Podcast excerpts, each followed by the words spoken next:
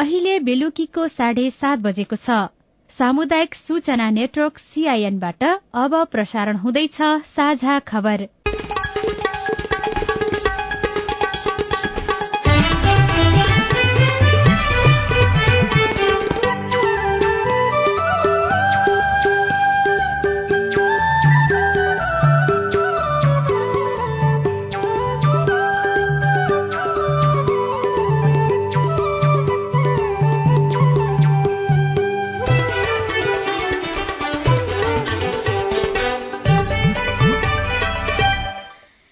सीआईएनको साझा खबरबाट सोभिता रिसालको नमस्कार। साझा खबर देशभरिका सामुदायिक रेडियो सीआईएन खबर डट कम र मोबाइल एप सीआईएनमा पनि सुन्न सकिन्छ।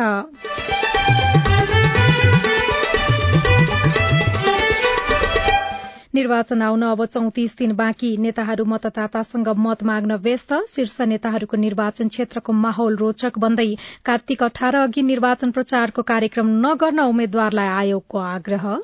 निर्वाचन हुने दिनभन्दा सत्र दिन अगावै भनेको कार्तिक अठारबाट निर्वाचन प्रचार प्रसार गर्न पाइन्छ।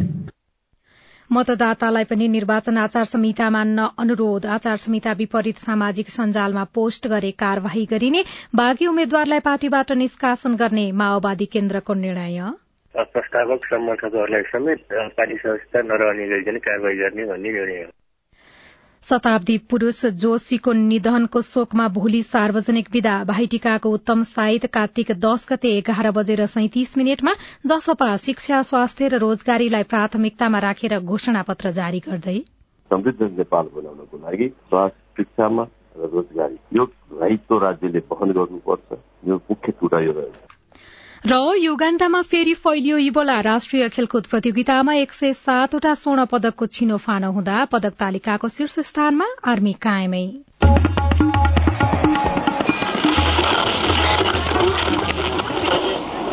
रेडियो।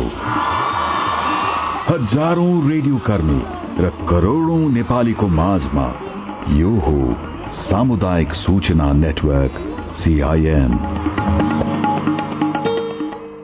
राजनीतिक दल र उम्मेद्वार यति बेला मंगिर चार गते हुने निर्वाचनका लागि घोषणा पत्र लेखनको तयारीमा जुटेका छन्। घोषणा पत्रमा आकाशका तारा नै झार्ने गरेका प्रतिबद्धता गरे पनि निर्वाचन जितेपछि भने ती सबै बिर्सदा चर्को आलोचना पनि हुने गरेको छ। त्यसैले यसपटकको निर्वाचनमा दल र उम्मेद्वारले असम्भव कामको सपना देखाउने भन्दा नागरिकको जीविकासँग जोडिएका विषयलाई प्राथमिकता दिनु आवश्यक छ। अब खबर अविनाश आचार्यबाट। निर्वाचन आयोगले कार्तिक अठार गते भन्दा अघि निर्वाचन प्रचार प्रसार नगर्न राजनैतिक दल तथा उम्मेद्वारहरूलाई सचेत गराएको छ। आयोगले जारी गरेको निर्वाचन आचार संहितामा निर्वाचन हुने दिनभन्दा सत्र दिन अगाडि मात्रै निर्वाचन आचार संहिता निर्वाचन प्रचार प्रसार गर्न पाइने व्यवस्था छ। सोही अनुसार गर्न आयोगले उम्मेद्वारहरूलाई आग्रह गरेको हो। आयोगले निर्वाचन आचार संहिता नमानेको खण्डमा त्यस्ता उम्मेद्वारको मनोनयन नै खारेज गर्न सक्ने चेतावनी दिएको छ। आज सामाजिक सञ्जाल मार्फत सन्देश जारी गर्दै निर्वाचन आयुक्त रामप्रसाद भण्डारीले कार्तिक अठार गते भन्दा अघि आमसभा गोष्ठी सेमिनार लगायतका कुनै पनि माध्यमबाट निर्वाचन प्रचार प्रसार गर्न नपाइने बताउनुभयो। निर्वाचन हुने दिनभन्दा सत्र दिन अगावै भनेको कार्तिक अठारबाट निर्वाचन प्रचार प्रसार गर्न पाइन्छ। त्योभन्दा अगाडि निर्वाचन प्रचार प्रसार गर्ने लगायतका क्रियाहरू गर्न पाइँदैन भनेर आचार संहिताले निषेध गरेका छ। यो दलहरूलाई पनि राम्रोसँग जानकारी छ। घर दैलो कार्यक्रम गर्दाखेरि पनि उहाँहरू मत माग्न मतदाताको घरमा जाँदाखेरि पच्चिसजना भन्दा बढी जान पाउनुहुन्न। पच्चिसजना पनि कुनै पनि त्यस्तो बाजा गाजा तामझाम गरेर जान पाइँदैन। आचार संहिताले निषेध गरेका छ यो आचार संहितालाई उल्लङ्घन गरिदिनु हो भनेदेखि आयोगले कठोरतापूर्वक उहाँहरूलाई कारवाही गर्नुपर्छ। त्यो कारवाहीको विरुद्धमा उहाँहरूको मनोनयन पत्र खारेज पनि हुन सक्छ तर कार्तिक अठार भन्दा अघि घर दैलो कार्यक्रम गर्न भने छूट रहेको आयोगको भनाइ छ। यस्तै आयोगले प्रतिनिधि सभा र प्रदेश सभाको निर्वाचनमा प्रचार प्रसारका लागि सामाजिक सञ्जालको प्रयोग गर्दा उम्मेद्वार तथा मतदाता र आम नागरिक समेत सचेत हुनुपर्ने जनाएको छ। सामाजिक सञ्जालबाट निर्वाचनलाई प्रभाव पार्ने होच्याउने अपमान गर्ने द्वेषपूर्ण भाषण राख्ने जस्ता काम गर्न नपाइने आयोगको भनाइ छ। आचार संहिता नेपाल सरकार प्रदेश सरकार स्थानीय सरकार तथा सरकार मातहतका निकाय संवैधानिक निकाय उम्मेद्वार राजनैतिक दल संचार माध्यम सार्वजनिक संगठन र पर्यवेक्षकका लागि लागू हुनेछ। त्यस्तै गैर सरकारी तथा निजी संस्था र दात्री निकायलाई पनि आचार संहिता लाग्ने आयोगले जनाएको छ। मतदाताले सामाजिक सञ्जाल प्रयोग गर्दा समेत आचार संहिताको पालना गर्नुपर्ने आयोगका प्रवक्ता शालिग्राम शर्मा पौडेलले सीआईएनसँग बताउनुभयो। कसैले पनि अनधिकृत व्यक्तिले प्रचार प्रसार गरेको वा गलत सन्देश गलत सूचनाहरू राखेको अथवा चाहिँ कसैप्रति सामाजिक अपहेलना घृणा फैलाउने कुराहरू गरेको अथवा राष्ट्रद्रोह अथवा चाहिँ हुने खालको सामाजिक वितृष्णा फैलाउने खालका सन्देशहरू भएको अवस्थामा आयोगले त्यसलाई चाहिँ वाच गर्छ त्यसलाई एनालिसिस गरेर सम्बन्धित कम्पिटेन्ट अथोरिटी जहाँ यसको लागि चाहिँ यसको यो कुराहरू नियन्त्रण गर्नका लागि गर्नुपर्ने हो त्यहाँ पठाउँछ। आयोगले आन्तरिक प्रयोजनका लागि यस्ता कुराहरू निगरानी गर्छ विश्लेषण गर्छ। र अब यसको नियन्त्रणको पाटो आयोगको होइन आयोगले सम्बन्धित निकायमा यसको लागि पठाउँछ। आयोगले सामाजिक सञ्जालभित्र SMS Facebook Messenger Viber Twitter YouTube Instagram जस्ता प्लेटफर्मलाई उल्लेख गरेको छ। आचार संहिता विपरीत सामाजिक सञ्जालमा सामग्री राख्ने शेयर गर्ने जस्ता गतिविधि गरेमा आयोगले शुरूमा सचेत गराउने दोहोर्याए कानूनी उपचार खोज्ने र अन्तिममा कार्यवाही गर्ने बताएको छ। नेकपा माओवादी केन्द्रले उम्मेद्वारी फिर्ता नलिएका बागी उम्मेद्वारलाई निष्कासन गरेको छ। माओवादी केन्द्रले बागी उम्मेद्वारहरूलाई आज साँझसम्म उम्मेद्वारी फिर्ता लिन निर्देशन दिएको थियो तर सबै बागी उम्मेद्वारहरूले उम्मेद्वारी फिर्ता नलिएपछि उनीहरू पार्टीबाट स्वत निष्कासित भएको केन्द्रीय कार्यालयका सचिव श्रीराम ढकालले सीआईएनलाई जानकारी दिनुभयो। जो स्वतन्त्र रूपमा उम्मेदवारी हालेका छन् धेरै छैन पाँच सातजना होला देशैभरि हेर्दा तिनीहरूलाई पनि प्रस्तावक समर्थकहरूलाई समेत पार्टी सदस्यता नरहने गरिकन कारवाही गर्ने भन्ने निर्णय हो। अब आज अहिलेसम्म कुनै उम्मेद्वारहरूले चाहिँ आफ्नो उम्मेद्वारीको विषयमा बोलेको देखिएन आधिकारिक रूपमा भनेपछि अब पार्टीले फेरि छुट्टै कुनै निर्णय गर्छ कि? निष्कासन हुन्छ। जनता समाजवादी पार्टी जसपाले शिक्षा स्वास्थ्य र रोजगारीलाई प्राथमिकतामा राखेर घोषणा पत्र जारी गर्ने तयारी गरेको छ। जसपाले घोषणा पत्र तयार पारेको छ जसमा दुई वर्षभित्र देशलाई खाद्य पदार्थहरूमा आत्मनिर्भर बनाउने प्रतिबद्धता छ। प्रतिबद्धता पत्रमा जसपाले बेरोजगार भत्ताको व्यवस्था गर्ने समेत घोषणा गरेको छ। ज्येष्ठ नागरिकका लागि निशुल्क स्वास्थ्य उपचार र धार्मिक पर्यटनको व्यवस्था गर्ने सहित सयौं आर्थिक तथा वित्तीय सुधारका योजना पनि तयार पारेको प्रवक्ता प्रकाश अधिकारीले सीआईएनसँग बताउनुभयो समृद्ध नेपाल बनाउनको लागि स्वास्थ्य शिक्षामा र रोजगारी यो दायित्व राज्यले वहन गर्नुपर्छ। यो मुख्य कुरा यो राज्यले यसलाई कसरी गर्ने हो आगामी दिनमा सम्पूर्ण नेपालीहरू यसबाट ढुक्क भएर अब यो सबै कुरा हुनुपर्छ। शिक्षा रोजगार अहिले जुन प्रकारको रोजगारीको समस्या छ दिन पलायन भएर त्यहाँनिर युवाजनको राखेका छ त्यसको बारेमा यस्तै पाँच वर्षभित्र निरपेक्ष गरीबीको रेखामुनि रहेका जनतालाई गरीबीबाट मुक्त गर्ने र बहुआयामिक गरीबीको अनुपातलाई एकल अंकमै सीमित गर्ने समेत जनाएको छ। सरकारले शताब्दी पुरूष सत्यमोहन जोशीको निधनको शोकमा भोलि सार्वजनिक विदा दिएको छ। गृह मन्त्रालयका प्रवक्ता फणिन्द्र मणि पोखरेलले आज एक विज्ञप्ति निकालेर भोलि देशभर विदा दिने निर्णय भएको जानकारी दिनुभयो। शताब्दी पुरूष जोशीको एक सय तीन वर्षको उमेरमा हिजो बिहान निधन भएको थियो। उहाँको निधनको शोकमा देशभरका सरकारी कार्यालय सार्वजनिक संघ संस्था र विदेश स्थित कूटनीतिक नियोगमा राष्ट्रिय झण्डा झुकाउने निर्णय भएको पोखरेलले बताउनुभयो। अन्तर्राष्ट्रिय पञ्चाङ्ग निर्णायक समितिले यस वर्षको तिहारको भाइटिकाको उत्तम साइत कार्तिक दश गते बिहान एघार बजेर सैतिस मिनटमा रहेको जनाएको छ। समितिले आज विज्ञप्ति निकालेर नेपालका लागि सो समय उपयुक्त भएको जनाएको हो। त्यस्तै भारत अमेरिका बेलायत लगायतका देशमा फरक फरक समयमा उत्तम साइत रहेको समितिले जनाएको छ। साझा खबरमा एउटा विदेशको खबर युगाण्डामा इबोला भाइरस फेरि फैलिएको छ जसका कारण अहिले निषेधाज्ञा जारी गरिएको छ। राष्ट्रपति योवेरी मुसेभेनीले इबोला प्रकोपको केन्द्रबिन्दुमा रहेका दुई जिल्लामा निषेधाज्ञा घोषणा गर्नुभएको हो। ती स्थानको यात्रामा प्रतिबन्ध व्यक्तिगत यात्रामा रोक र रातको समयमा कर्फ्यू लगाइएको छ। र खेल खबरमा नवौं राष्ट्रिय खेलकुद प्रतियोगिताको स्वर्ण पदकमा नेपाल आर्मीले अग्रता कायम राखेको छ। एक सय सातवटा स्वर्ण पदकको छिनोफानो हुँदा पदक तालिकाको शीर्ष स्थानमा आर्मी कायम छ। राष्ट्रिय खेलकुद परिषदका अनुसार हालसम्म चौवालिस स्वर्ण आर्मीले जितेको छ यस्तै उसले एकतीस रजत र चौविस खेलमा काँस्य पदक हात पारेको छ। विभागीय टोली नेपाल पुलिस क्लबले उन्नाइस स्वर्ण जित्दै दोस्रो स्थानमा उक्लिएको छ। पुलिसले बाह्र रजत र अठार काँस्य पदक जितेको छ। यसै गरी पदक तालिकाको तेस्रो स्थानमा पनि विभागीय टोली रहेको छ। चौध स्वर्ण जितेको एपीएफ क्लबले बीस रजत र पच्चीस काश्य पदक सहित कुल उनासाठी पदक जितेको छ। र टी ट्वेन्टी विश्वकप क्रिकेटमा स्कटल्याण्डले वेस्ट इण्डिजलाई बयालिस रनले हराएको छ। एक सय एकसठी रनको लक्ष्य पाएको वेस्ट इण्डिजलाई अठार ओभर तीन बलमा एक सय अठार रनमा अल आउट गर्दै स्कटल्याण्ड विजयी भएको हो। विश्वकपमा भोलि नामिबिया र नेदरल्याण्ड तथा युए र श्रीलंका खेल्नेछन्। खोलामा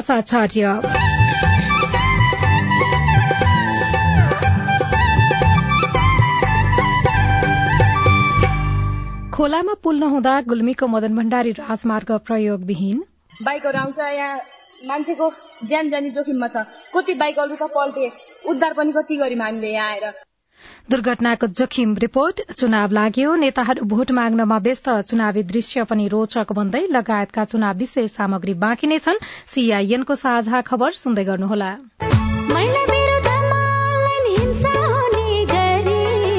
सामाजिक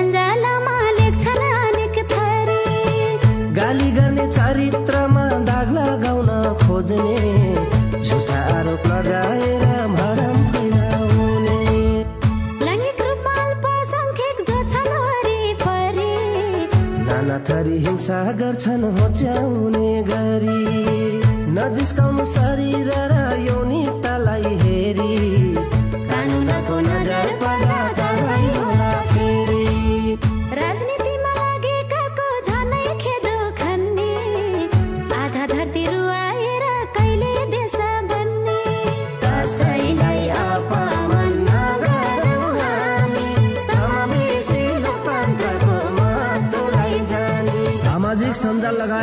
अनलाइनमा हुने मिथ्या समाचार दुष्प्रचार र घृणा जन्ने अभिव्यक्ति कानूनी रूपमा दण्डनीय छ। अनलाइन हिंसा नगरौं र नसहौं युएसएआईडी र एनडिआई नेपालको आर्थिक तथा प्राविधिक सहयोगमा पर्पल फाउन्डेसनको चेतनामूलक सन्देश। सामाजिक रूपान्तरणका लागि यो हो सामुदायिक सूचना नेटवर्क सीआईएन। तपाई सामुदायिक सूचना नेटवर्क सीआईएनले तयार पारेको साझा खबर सुन्दै हुनुहुन्छ। निर्वाचन आयोगले मंगिर चार गते हुने प्रतिनिधि सभा सदस्य र प्रदेशसभा सदस्य निर्वाचनका मतदाताको अन्तिम नामावली सार्वजनिक गरेको छ। आयोगका अनुसार यसपटकको निर्वाचनमा देशभर कुल एक करोड़ उना अस्सी लाख अठासी हजार पाँच सय सत्तरी मतदाता छन्। तीमध्ये अठासी लाख सड़चालिस हजार पाँच सय उना अस्सी जना पुरूष एकानब्बे लाख चालिस हजार आठ सय छ जना महिला र एक सय पचासी जना अन्य रहेका छन्। देशभर प्रतिनिधि सभाका लागि पहिलो हुने निर्वाचित हुने निर्वाचन प्रणालीतर्फ एक सय पैंसठी निर्वाचन क्षेत्र क्षेत्र रहेका छन् भने पहिलो हुने निर्वाचित हुने प्रणाली अन्तर्गत नै प्रदेशसभातर्फ प्रदेश नम्बर एकमा छपन्न मध्य प्रदेशमा चौसठी बागमती प्रदेशमा छैसठी गण्डकी प्रदेशमा छत्तीस लुम्बिनी प्रदेशमा बाहन्न कर्णाली प्रदेशमा चौविस र सुदूरपश्चिम प्रदेशमा बत्तीसवटा निर्वाचन क्षेत्र रहेका छनृ। नौ राष्ट्रिय खेलकुदका क्रममा हिजो भएको प्याराग्लाइडिङ दुर्घटनाको अध्ययनका लागि समिति गठन गरिने भएको छ। उड्डयन क्षेत्रसँगै जोडिएको खेल र योसँग सम्बन्धित संस्था व्यवस्थित गर्ने उद्देश्यले समिति गठन गरिन लागेको प्राधिकरणले जनाएको छ। गुल्मी सदरमुकाम तमघासदेखि पश्चिम क्षेत्रको मुख्य सड़क मदन भण्डारी राजमार्ग हो। सदरमुकाम तमघासदेखि सिमलटारीसम्म सत्ताइस किलोमिटर सड़क कालोपत्रे गरेको पाँच वर्ष भयो। तर त्यस सड़क खण्ड अन्तर्गत पर्ने चारवटा खोलामा पुल नहुँदा स्थानीयले शास्ति बेहोर्दै आएका छनृ। गुल्मीका प्रमुख सड़कहरू मध्ये मदन भण्डारी राजमार्ग पनि एउटा हो। चार स्थानीय तह धुरकोट मदाने मालिका र इस्मा गाउँपालिका जोड्ने यो सड़क भएर दैनिक सयौं सवारी गोड्छन् हिउँदमा जेनतेन सवारी साधन चले पनि वर्षयाममा यस क्षेत्रका जनताले निकै जोखिम मोलेर यात्रा गर्नुपर्छ। खोलामा पुल नभएकै कारण बिरामी र यात्रुलाई सबैभन्दा बढ़ी शास्ति हुने गरेको छ। विद्यार्थी बसु छेत्री। पानी पर्दा एम्बुलेन्सहरू आउँछ। अपरजात त्यहाँ के गर्नु? बाइकहरू आउँछ। यहाँ मान्छेको ज्यान जानी जोखिममा छ। कति बाइकहरू त पल्टे। उद्धार पनि कति गर्यौँ हामीले यहाँ आएर। महत्वपूर्ण काम लिएर सदरमुकाम तमघास हिँडे पनि समयमै पुगिन्छ कि पुगिँदैन भन्ने कुनै टुङ्गो हुँदैन। तर पनि जनता जोखिम मोलेर यात्रा गर्न बाध्य छन्। बाटो कालो पत्रे भए पनि पुल नहुँदा धेरै दुःख पाएको स्थानीयको गुनासो छ। यात्रु चक्रबन्धु भूषाल तत्काल पुल बनाउन माग गर्नुहुन्छ। पुल नहुँदाखेरि तमाम हामी जस्ता यो यात्रुहरूलाई धेरै समस्या भइरहेको छ। अब गाडीहरूमा पनि यात्रा गर्दा जोखिम मोलेर गर्नुपर्ने। कयौँचोटि बाढी आउँदाखेरि गाडीहरू बग्ने सम्बन्धको अवस्था देखिएको छ। मोटरसाइकलहरू कयौँ दुर्घटना भएका छन्। त्यस हुनाले तपुर मार्फत सम्बन्धित पक्षको ध्यान जाओस् भन्ने हाम्रो आग्रह सवारी चालक पनि पुल नहुँदा शास्ति भएको गुनासो गर्छन्। जोखिम मोलेर खोलाबाट सवारी साधन तार्दा अप्ठ्यारो हुने बताउनुहुन्छ चालक गोपाल घरती। समस्या त भनि साध्य छैन। के गर्ने अहिले? पानी नआउँदाखेरि मात्रै पानी आउँदाखेरि जस्तो गाह्रो केही हुँदैन। उता गाडी उतै यता गाडी यतै अब चाहिँ तर्ने गाह्रो।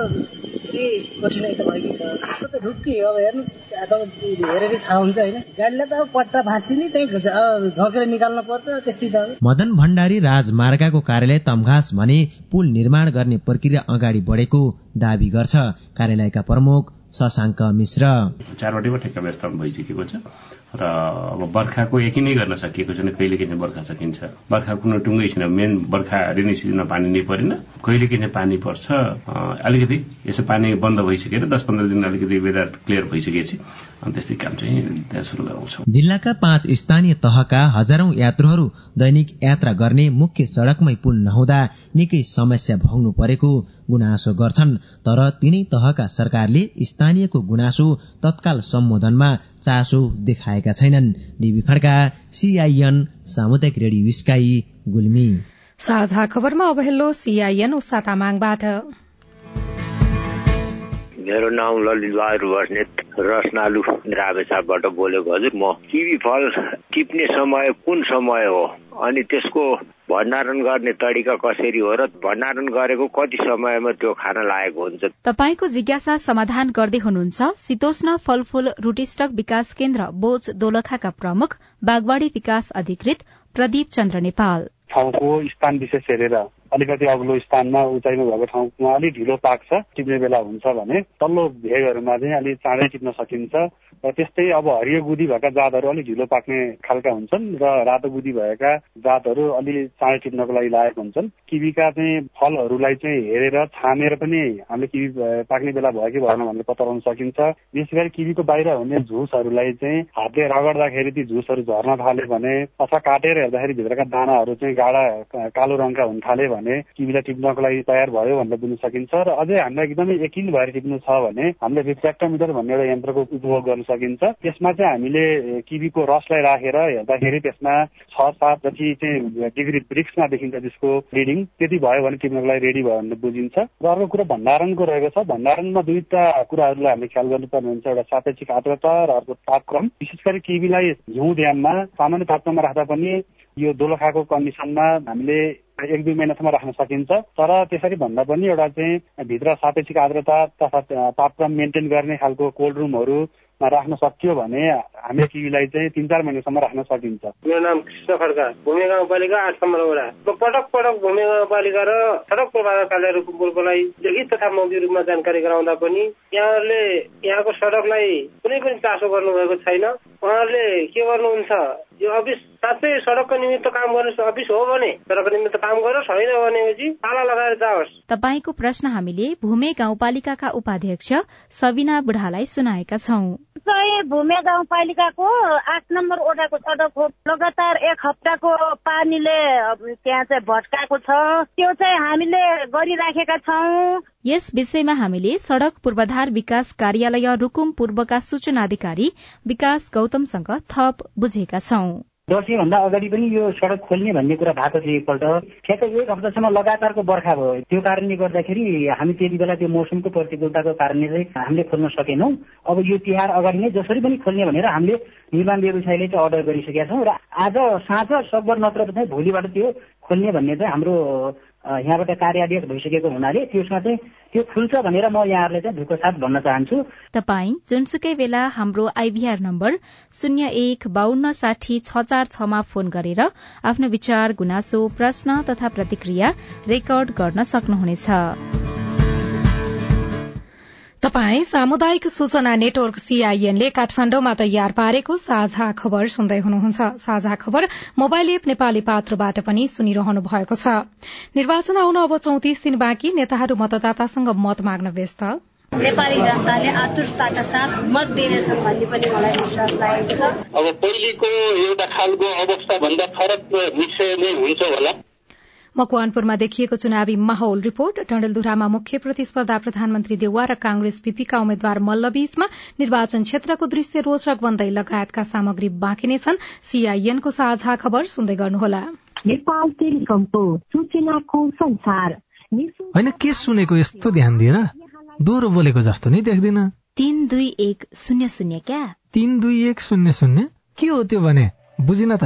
ल सुन एनटिसी प्रयोगकर्ताहरूले आफ्नो मोबाइल तथा ल्यान्डलाइनमा तीन दुई एक शून्य शून्य डायल गरी समाचार रेडियो कार्यक्रम खेल र अन्य विषय बारे सन्देशहरू जुनसुकै बेला निशुल्क सुन्न सक्छन्। ओहो निशुल्क? कस्तो सजिलो।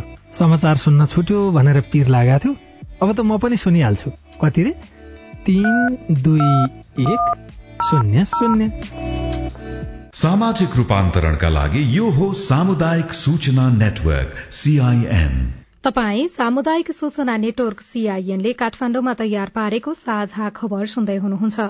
मंगिर चारमा हुने निर्वाचन नजिकिएसँगै नेताहरू मतदातासँग मत माग्न व्यस्त भएका छन्। प्रतिनिधि सभाका दुई र प्रदेश सभाका चार क्षेत्र रहेको मकवानपुरमा चुनावी सरगर्मी बढ़ेको छ। मकवानपुर क्षेत्र नम्बर एकमा दुई स्वतन्त्र सहित सोह्र जना र क्षेत्र नम्बर दुईमा एक स्वतन्त्र सहित दसजनाले उम्मेद्वारी दर्ता गराएका छन्। जिल्लामा एक पटक पनि पराजित नभएकादेखि पटक पटक हार बेहोरेका नेता यस पटकको प्रतिस्पर्धामा छन्। यसपटक प्रतिनिधि सभातर्फ मकवानपुर एकमा रोचक प्रतिस्पर्धा हुने देखिएको छ। यहाँ सत्ता गठबन्धनबाट कंग्रेस नेता महालक्ष्मी उपाध्याय डिना एमाले र राप्रपा नेपालका साझा उम्मेद्वारका रूपमा कमल थापा र राप्रपाका दीपक बहादुर सिंहको उम्मेद्वारी छ। मुख्य रूपमा उपाध्याय थापा र सिंह बीच नै प्रतिस्पर्धा हुने देखिन्छ। सत्ता गठबन्धनको साथ मात्र नभएर राष्ट्रिय राजनीतिमा आफ्नो बलियो र प्रभावकारी भूमिकाका कारण आफूलाई जनताले जिताउनेमा उपाध्याय विश्वस्त हुनुहुन्छ। गठबन्धनलाई नेपाली जनताले आतुरताका साथ मत दिनेछन् भन्ने पनि मलाई विश्वास लागेको छ। राष्ट्रिय राजनीतिका चतुर खेलाड़ी मानिने कमल थापा यसपटक नेकपा एमालेको चुनाव चिन्ह लिएर चुनावी मैदानमा हुनुहुन्छ। यो अवस्थालाई कतिपयले असहज भने पनि उहाँ भने एमालेकै आग्रहमा आफूले एमालेसँग सहकार्य गरेर उम्मेद्वार बनेको बताउनुहुन्छ। नेकपा एमालेका अध्यक्ष केपी ओलीले मकवानपुरको स्थितिलाई पनि दृष्टिगत गर्दै तपाईँ कुनै पनि हालतमा चुनाव जितेर आउनुपर्छ। लडिदिनु भयो भने सजिलो हुन्छ भनेर उहाँले भन्नुभयो। लामो समय सहकार्य गरेका थापा र सिंह यसपटक आफै प्रतिस्पर्धामा हुनुले पनि यो क्षेत्रको निर्वाचनलाई थप रोचक बनाएको छ। सिंहले गत स्थानीय तह निर्वाचनमा हेटौँडाको मेयरमा पच्चीस सय चौवालिस मतले पराजित हुनु परेको थियो। नागरिकले खोजेको परिवर्तन राप्रपाले मात्र दिन सक्ने भएकाले आफू नै विजयी हुने उहाँको दावी छ।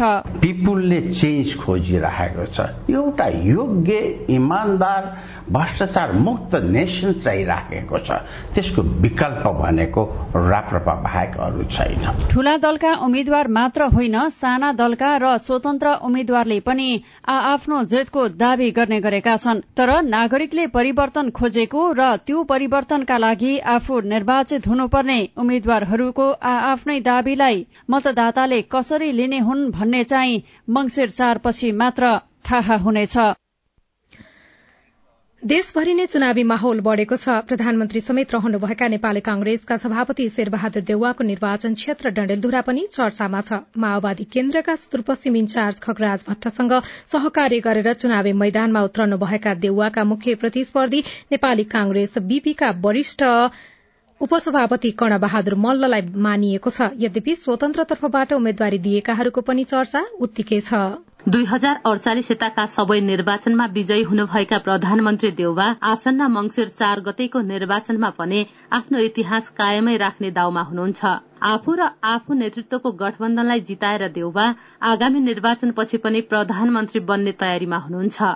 मतदाताहरूको विचार भने बाँडिएको छ। यसले गरेछ उसले गरेछ भने हामीलाई केही मतलब छैन। जसले आए नि सरकार हाम्रो लागि सबै सरकार राम्रै छ भने पैदल हिँड्नु सकिनँ इन्डियाबाट आएर मेरो घरको अगाडि रोड पुगाएर त्यहीमा सन्तुष्ट छु भयो। पानी दिएको छ बा लाइट दिएको छ रोड पुगाइएको छ घरलाई। बेरोजगारी युवाहरूको लागि रोजगारी सम्बन्धी काम गर्ने त्यस्तो व्यक्तिलाई हामी भोट दिन्छौँ। प्रतिनिधि सभाका लागि एकमात्र निर्वाचन क्षेत्र रहेको डडेलधुरामा सातवटा स्थानीय तह छन्। हालै सम्पन्न स्थानीय तहको निर्वाचनमा बाहन्नवटै ओडाहरूमा अध्यक्षका उम्मेद्वारहरूले पाएको एकीकृत मतमा नेपाली कंग्रेस अगाडि छ। कंग्रेसले एक्काइस हजार सात सय पैंतिस नेपाली कंग्रेस बीपी र नेकपा एमालेको गठबन्धनले चौध हजार एकाउन्न माओवादी केन्द्रले बाह्र हजार आठ सय र एकीकृत समाजवादीले पाँच हजार एकचालिस मत पाएका छन्। त्यस्तै अन्य पार्टी तथा स्वतन्त्र उम्मेद्वारहरूले दुई हजार पाँच सय अडचालिस मत पाएका छन्। यसपटकको निर्वाचन स्वतन्त्रबाट युवा उम्मेद्वार सागर ढकाल लगायत मैदानमा रहेका छन्। नागरिकहरू सोच विचार गरी मत हाल्ने तयारीमा रहेको बताउनुहुन्छ। अमरगढ़ी नगरपालिका पाँचका राज मन्राल एउटा नैतिकवान एउटा आदर्श व्यक्ति अरूलाई आदर गर्ने व्यक्तिको आवश्यकता हो। यदि राम्रो नेतृत्व छैन भने देश कहिले पनि उठ्न सक्दैन र काँचुली फेर्न सक्दैन। एमाले केन्द्रमा मल्ललाई सघाउँदै उम्मेद्वारी फिर्ता लिएको थियो भने प्रदेशमा आफ्नो उम्मेद्वारीलाई सघाउन पर्ने शर्त बीपी कंग्रेससँग राखेको थियो। तर अहिले बीपी कंग्रेसले भने समाजवादीका स्वतन्त्र उम्मेद्वार डाक्टर तारा जोशीसँग सहकार्य गर्दै अगाडि बढ़ेको छ। यस्तो अवस्थामा डडेलधुरामा केन्द्रमा मल्ल र देउबा तथा प्रदेशमा सत्ता गठबन्धन र एमाले तथा कंग्रेस बीपीका उम्मेद्वारहरूबीच प्रतिस्पर्धा हुने देखिएको छ। डडेलधुराका नागरिक अगुवा सिद्धराज पाठक। धेरैजना मानिसहरूले अब अलिकति राजनीतिलाई परिवर्तन गर्न खोजिरहेका छन् र यो विचारहरू अगाडि बढ़िरहेको अवस्थामा अब पहिलेको एउटा खालको अवस्था भन्दा फरक निश्चय नै हुन्छ होला। देशभरि जस्तै डडेलधुरामा पनि उम्मेद्वारहरू आफ्नो पक्षमा मत तान्नको लागि खटिरहेका छन्। Mamata Bhatt CIN radio Amargadhi Dadeldhura. उम्मेद्वारी दर्ता र प्रचारका कारण निर्वाचन क्षेत्रको दृश्य रोचक बन्दै गएको छ तर नेतृत्वमा पुगेका नेताहरू वा एउटै व्यक्ति पटक पटक उम्मेद्वार बन्ने क्रम चलिरहेको छ। यस्तो अभ्यासले पार्ने प्रभावका बारेमा हामीले एकजना विश्लेषक जैनेन्द्र जीवनसँग कुराकानी गरेका छौं। युवा उम्मेद्वार पनि बिसदेखि उनासाठी वर्ष उमेर समूहका नै अस्सी पर्सेन्ट चान्सुन रहेछन् प्रदेश सभामा पनि प्रतिनिधि सभामा पनि। उम्मेद्वारीमा त्यो देखिए तापनि नेतृत्वमा चाहिँ त्यो देखिएको छैन। नेतृत्व चाहिँ पुरानै अनुहार दोहोरिराखेका छन्। व्यक्ति फेरि दोहोरिनुमा नेताहरूले पार्टीभित्रको सम्मान भन्ने कि अथवा उसको क्षमता र उसको नेतृत्व क्षमताको कारणले भन्ने कि अथवा अरूलाई मतदाताले विश्वास नगर्ने रहेछन् भन्ने ढङ्गबाट बुझ्ने त? त्यस्तो केही पनि होइन। खास चाहिँ व्यक्तिगत त्यो सत्ता लिप्सा नै हो। पदमा शक्तिमा सत्तामा पुगेपछि हातपट्टि कोही पनि छोड्नु मान्दैन। आफ्नो उत्तराधिकारीहरू सक्सेसन प्लान बनाएर उत्तराधिकारी ग्रुम गर्ने। अधिकांश चाहिँ नि आफू सक्रिय रहन्जेल आफू चाहिँ नि स्वस्थ रहन्जेलसम्म सत्ता छोड्नै नमान्ने हुन्छन्। त्यस कारणले भन्ने बेला अरू जेसुकै कुरो भने तापनि मलाई साथीभाइहरूले छोडे नछोड भनेका छन् यो जो भनेका छन् उ भनेका छन् भने पनि सत्तामा एकखेर पुगिसकेपछि प्रभाव त्यही आकर्षणले फेरि अर्कोचोटि आउने र अरूले पनि यसले छोडिदिए हुन्थ्यो भन्ने चाहिँ नि पुस्ता तयार भइसके तापनि पार्टीभित्र त्यस्तो मनोविज्ञान बनिसके तापनि त्यो नछोड्ने किनभने त्यो गाह्रो हुन्छ। तर नेताहरूले भन्ने गरेको सुनिन्छ के भने अर्को व्यक्तिलाई उठायो भने त त्यो क्षेत्रमा फेरि हाम्रो हार हुन्छ त्यस कारणले सिट संख्या घट्छ भनेर पनि टिप्पणी गर्छन् नि। त्यसमा कतिको सत्यता छ? निर्वाचन क्षेत्रको कुरा गर्दाखेरिमा अधिकांश ठुल्ठुला नेताहरूले प्रधानमन्त्री सभामुख मन्त्री पटक पटक मन्त्री भइसकेकाहरूले आफ्नो चाहिँ नि निर्वाचन क्षेत्रलाई खिचेका छन्। योजनाहरू कार्यक्रमहरू नीतिहरू लगेर बजेट खन्याएर मान्छेलाई जागिर लगाइदिएर अनेक थरी त्यहाँको स्थानीय विकासको निर्माणको काम गरेर आफ्नो त्यो गरेका छन्। त्यस कारणले उहाँहरूले जित्छु भन्नु त त्यो ठिकै होला जित्ने स्थिति पनि देखिन्छ। तर उहाँहरूले जितेर प्रधानमन्त्री नै किन हुनु पर्यो। त सम्मानित पार्टीको एउटा अभिभावक भएर बसे भइहाल्यो नि। अरूलाई पनि त जित्ने चान्स दिनुपर्छ नि। अरू मान्छे चाहिँ कहिले पनि आउने चान्सै नदिने राजनीतिमा लाग्नेको हो भने क्यारियर प्लान हुन्छ। त्यस्तो हुन नदिने त्यो चाहिँ लोभै हो त्यो। प्रत्यक्षमा भन्दा समानुपातिको कोटाबाट महिला आदिवासी जनजाति पछाडि पारिएको वर्ग समुदाय बढाएर प्रत्यक्षमा त्यो संख्या त्यति धेरै नदेखिनुको कारण चाहिँ यसलाई ठान्नुहुन्छ कि ठान्नुहुन्न तपाईँ? प्रत्यक्षमा चाहिँ उहाँहरूले अलिकति भिन्न सक्ने चुनाव लड्न सक्ने पैसा खर्च गर्न सक्ने मनी मसल पनि प्रयोग गर्न सक्ने अब जसरी पनि चाहिँ चुनाव लड्न सक्ने मान्छे हेर्नु हुँदो रहेछ। पिछडिएको वर्ग दलितले त्यो गर्न सक्दैन त्यस्तो किसिमको क्यान्डिडेटहरू हुन सक्दैन। त्यो चाहिँ नि मैले तत्काल सुधार हुने स्थिति देख्दिनँ।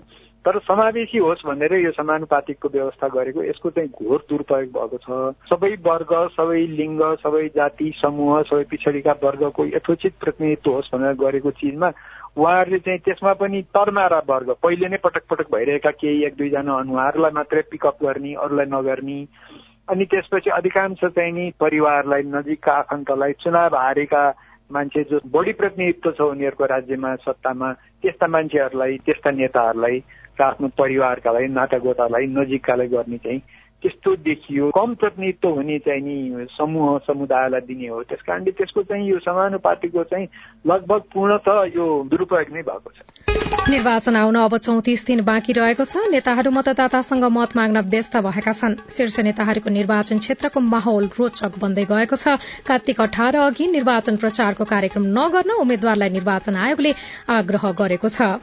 आयोगले मतदातालाई पनि निर्वाचन आचार संहिता मान्न अनुरोध गरेको छ। आचार संहिता विपरीत सामाजिक सञ्जालमा पोस्ट गरे कार्यवाही गरिने भएको छ र शताब्दी पुरूष सत्यमोहन जोशीको निधनको शोकमा भोलि सार्वजनिक विदा दिइएको छ। हवस् आजलाई साझा खबरको समय सकियो। प्राविधिक साथी सुनिल राज भारतलाई धन्यवाद। भोलि कार्तिक एक गते बिहान छ बजेको साझा खबरमा फेरि भेटौँला। अहिलेलाई सोभितारी साल पनि विदा हुन्छु। नमस्कार शुभरात्री।